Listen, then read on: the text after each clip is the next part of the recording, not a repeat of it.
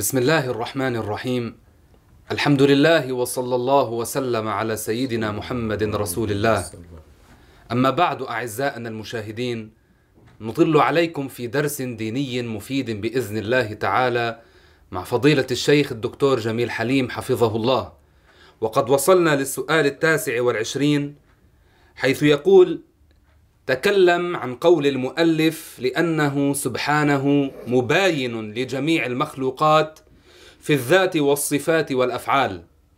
الجواب الله تعالى مباين أي غير مشابه لجميع المخلوقات في الذات أي ذاته لا يشبه ذوات المخلوقات والصفات أي صفاته لا تشبه صفات المخلوقات والأفعال أي أفعاله لا تشبه أفعال المخلوقات لأن فعل الله تعالى أزلي أبدي والمفعول حادث.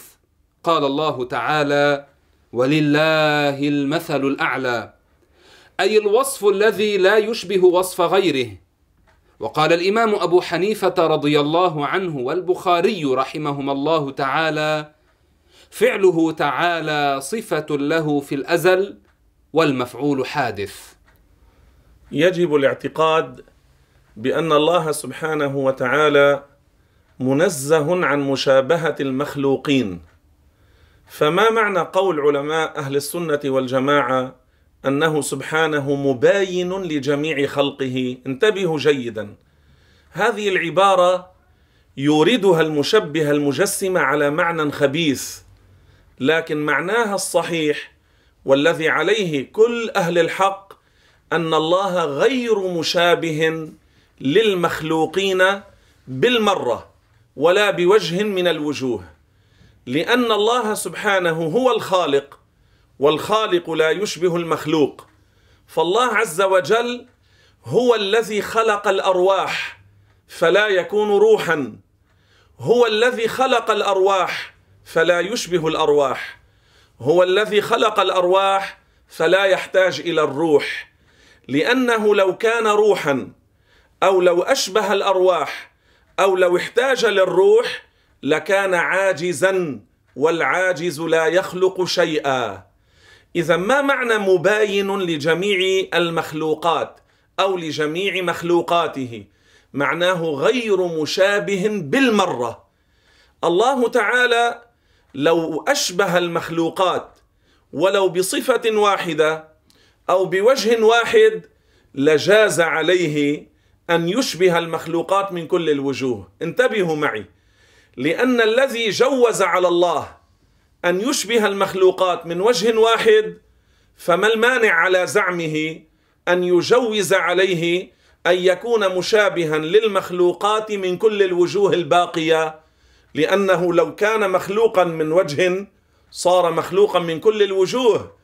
اذا الله لا يشبه شيئا من كل مخلوقاته بالمرة. هذا معنى أنه مباين لجميع المخلوقات في الذات والصفات والفعل. فعندما نقول ذات الله يعني حقيقة الله. ذات الله ليس جسدا ليس جسما ليس حجما ليس وهما ليس خيالا ليس غيما ليس كمية لا. ذات الله حقيقة الله الذي لا يشبه الحقائق. وهذا الإطلاق على الله تعالى يعني كلمة ذات الله هذا ورد في الحديث. وذكره العلماء في كثير من مؤلفاتهم. منهم الشيخ زكريا الأنصاري في شرحه على البخاري. وبوب لذلك بابا وأورد الأدلة. وفي الأحاديث ورد والصحابة استعملوا هذا اللفظ وذلك في ذات الإله من قول خبيب رضي الله عنه. فإذا معنى الذات في حق الله يعني حقيقة الله الذي ليس جسما وليس حجما وليس كيفية من الكيفيات بالمرة.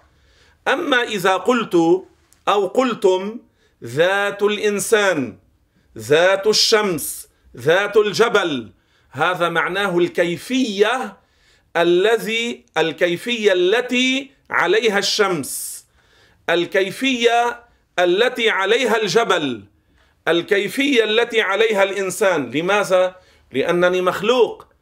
لأن الجبل مخلوق. لأن الشمس مخلوقة.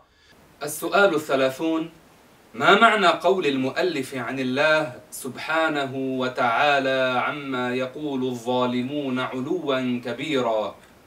الجواب معنى سبحانه تنزيها أي تنزيه الله تعالى ومعنى تعالى تنزه وهو تبارك وتعالى متعال أي متنزه عما يقول الظالمون أي الكافرون لأن الكفر هو أعلى الظلم وأكبره وأشده. قال تعالى والكافرون هم الظالمون. سبحان معناه تنزيه يعني باعد ربك نزه ربك عما لا يليق به. فالله سبحانه وتعالى منزه عما يقول الظالمون أي الكافرون. علوا كبيرا يعني الله تعالى منزه ومعظم ومقدس عن كل ما قاله الكفار مما فيه نقص واستهزاء واستخفاف برب العالمين. وهؤلاء الكفار إن كانوا من الكفار المعلنين وهم الذين أعلنوا الكفر أو الذين كانوا متسترين بالإسلام كالمشبهه المجسمه الذين يقولون لا إله إلا الله محمد رسول الله بألسنتهم لكنهم يكذبونها اعتقادا فيعتقدون أن الله جسم جالس على العرش أو يعتقدون أن الله تعالى بذاته حقيقة في السماء. هؤلاء أيضا كفار. والكفر هو أكبر الذنوب على الإطلاق الكفر بأنواعه. هنا المراد بالكفر يعني الكفر الأكبر. ما معنى الكفر الأكبر؟ يعني المخرج من الإسلام المخرج من الملة.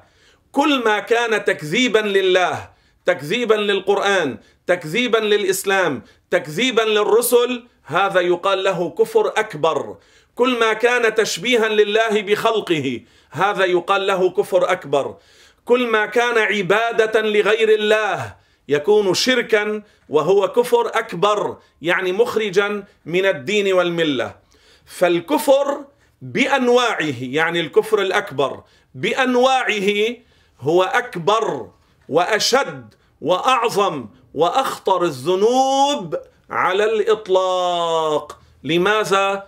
لأن الله قال في القرآن الكريم إن الله لا يغفر أن يشرك به ويغفر ما دون ذلك لمن يشاء. فكل المعاصي التي هي دون الكفر بالنسبة للكفر كلا شيء. وهذا ليس تهوينا للمعاصي ليس معناه افعلوا المعاصي حاشا. الرضا بالمعصية معصية والأمر بالمعصية معصية. نحن لا نرضى بالمعصية ولا نأمر أحدا بالمعصية. لكن نبين الحكم أن هذه المعاصي التي هي دون الكفر بالنسبة للكفر كلا شيء. لماذا؟ لأن من مات على الكفر يخلد في جهنم إلى أبد الآبدين. أما المسلم الذي مات على الإسلام على الإيمان متجنبا للكفريات وكان له ذنوب وآثام ملأت ما بين السماوات والأرض ودخل جهنم وعذب في جهنم مصيره إلى الجنة لأنه مات على الإسلام. فليتنبه لمعنى هذه الكلمة الشريفة كما شرحناها وبيناها لا على ما تقوله المشبهة المجسمة الذين يحرفون القرآن معاني القرآن يحرفون معاني الشريعة ليجروا الناس إلى التشبيه والتجسيم تعالى الله عن ذلك علوا كبيرا السؤال الواحد والثلاثون قال العلماء بوجوب معرفة ثلاث عشرة صفة لله تعالى ما هي هذه الصفات؟ الجواب يجب وجوبا عينيا معرفة ثلاث عشرة صفة لله تعالى. تكرر ذكرها في القرآن إما لفظا وإما معنى كثيرا. وهي الوجود والوحدانية والقدم أي الأزلية والبقاء وقيامه بنفسه والقدرة والإرادة والعلم والسمع والبصر والحياة والكلام وتنزهه عن المشابهة للحادث. هذه القضية تحتاج لمقدمة ثم إن شاء الله تعالى في الحلقة المقبلة نشرح هذه الصفات باختصار لكن لا بد من مقدمة لهذا الموضوع ما هي هذه المقدمة؟ يجب على كل مكلف أن يعرف هذه الصفات لماذا؟ لأنه إن جهل معناها يخشى عليه من الوقوع في الكفر من التعطيل من التشبيه من التجسيم. يخشى عليه أن يقع فيما هو استخفاف وتنقيص لرب العالمين. فقال العلماء يجب معرفة هذه الصفات وجوبا عينيا على كل مكلف. ما معنى وجوبا عينيا؟ يعني لا يكفي أن تعتقد أنت معناها فلو اعتقدت أنت معناها لا يسقط هذا الفرض عن زوجتك. لا يسقط هذا الفرض عن أبويك. لا يسقط هذا الفرض عن أولاد عن أولادك البالغين. بل هم أيضا يعني على كل فرد على كل شخص بعينه أن يتعلم هذه الصفات. فلو تعلمها البعض لا يسقط الفرض عن البعض الآخر بل هي من فروض العين. وما معنى أنه يجب معرفة هذه الصفات وجوبا عينيا. انتبهوا جيدا. ليس معناه أنه فرض عين على كل مكلف أن يحفظ ألفاظها عن ظهر قلب. لا ليس هذا المعنى. إنما المعنى هو أن يعتقد معناها أن يسمع فيفهم. يعتقد المعنى لأجل أن لا يقع فيما يضاد ذلك. لأجل أن لا يقع فيما يناقض ذلك. لأجل أن لا يقع فيما يكذب ذلك. لأنه لو كذب شيئا من هذه الصفات لا يكون مسلما. ولو شك فيها لو توقف يعني مثلا لو شك أو توقف أو قال الله ليس عالما حاشا. أو تردد في ذلك أو شك في ذلك لا يكون مسلما. كذلك لو قال أو شك أو تردد أو توقف هل الله قادر على كل شيء أم لا؟ شك في ذلك لا يكون مسلما. عرفنا لماذا يجب اعتقاد معاني هذه الصفات اعتقادا في القلب ولا يجب حفظ الألفاظ عن ظهر قلب لأجل السلامة من الوقوع في الكفر وهذا من الفروض المؤكدة في الدين والإسلام. هذا معنى يجب معرفتها وجوبا عينيا على كل مكلف. ما معنى وجوبا عينيا؟ يعني أن يفهم معناها لا أن يحفظ ألفاظها عن ظهر قلب فهذا ليس من فروض العين. هذا ليس من فروض العين. الآن قد يقول لكم قائل من أين عرفتم أن معرفة هذه الصفات واجبة على كل مكلف؟ من قال ذلك من العلماء؟ أذكر لكم عددا منهم. بعض العلماء الذين ذكروا ذلك قديما جدا إلى عصرنا هذا. فمن هؤلاء العلماء من الأئمة الأجلاء من السلف من التابعين أبو حنيفة رضي الله عنه وأرضاه. وبعده بزمن الحافظ النووي في كتابه المقاصد.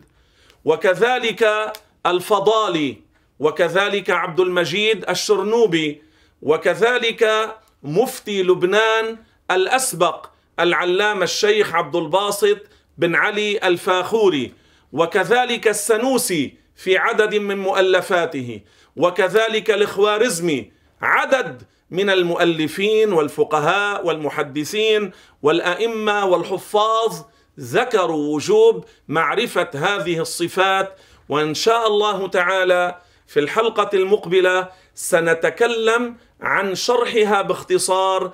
اللهم اغفر لنا وللمؤمنين والمؤمنات تب علينا وارحمنا أعنا على الصيام والقيام أعتق رقابنا من النار أكرمنا برؤية ليلة القدر وأدخلنا الجنة مع الأولين. فرج عن الأمة وارفع عنها الغمة واكشف عنها البلية واكشف عنهم الأخطار والأمراض ووسع عليهم في الرزق الحلال واختم لنا بالهدى والحمد لله رب العالمين والسلام عليكم ورحمة الله وبركاته.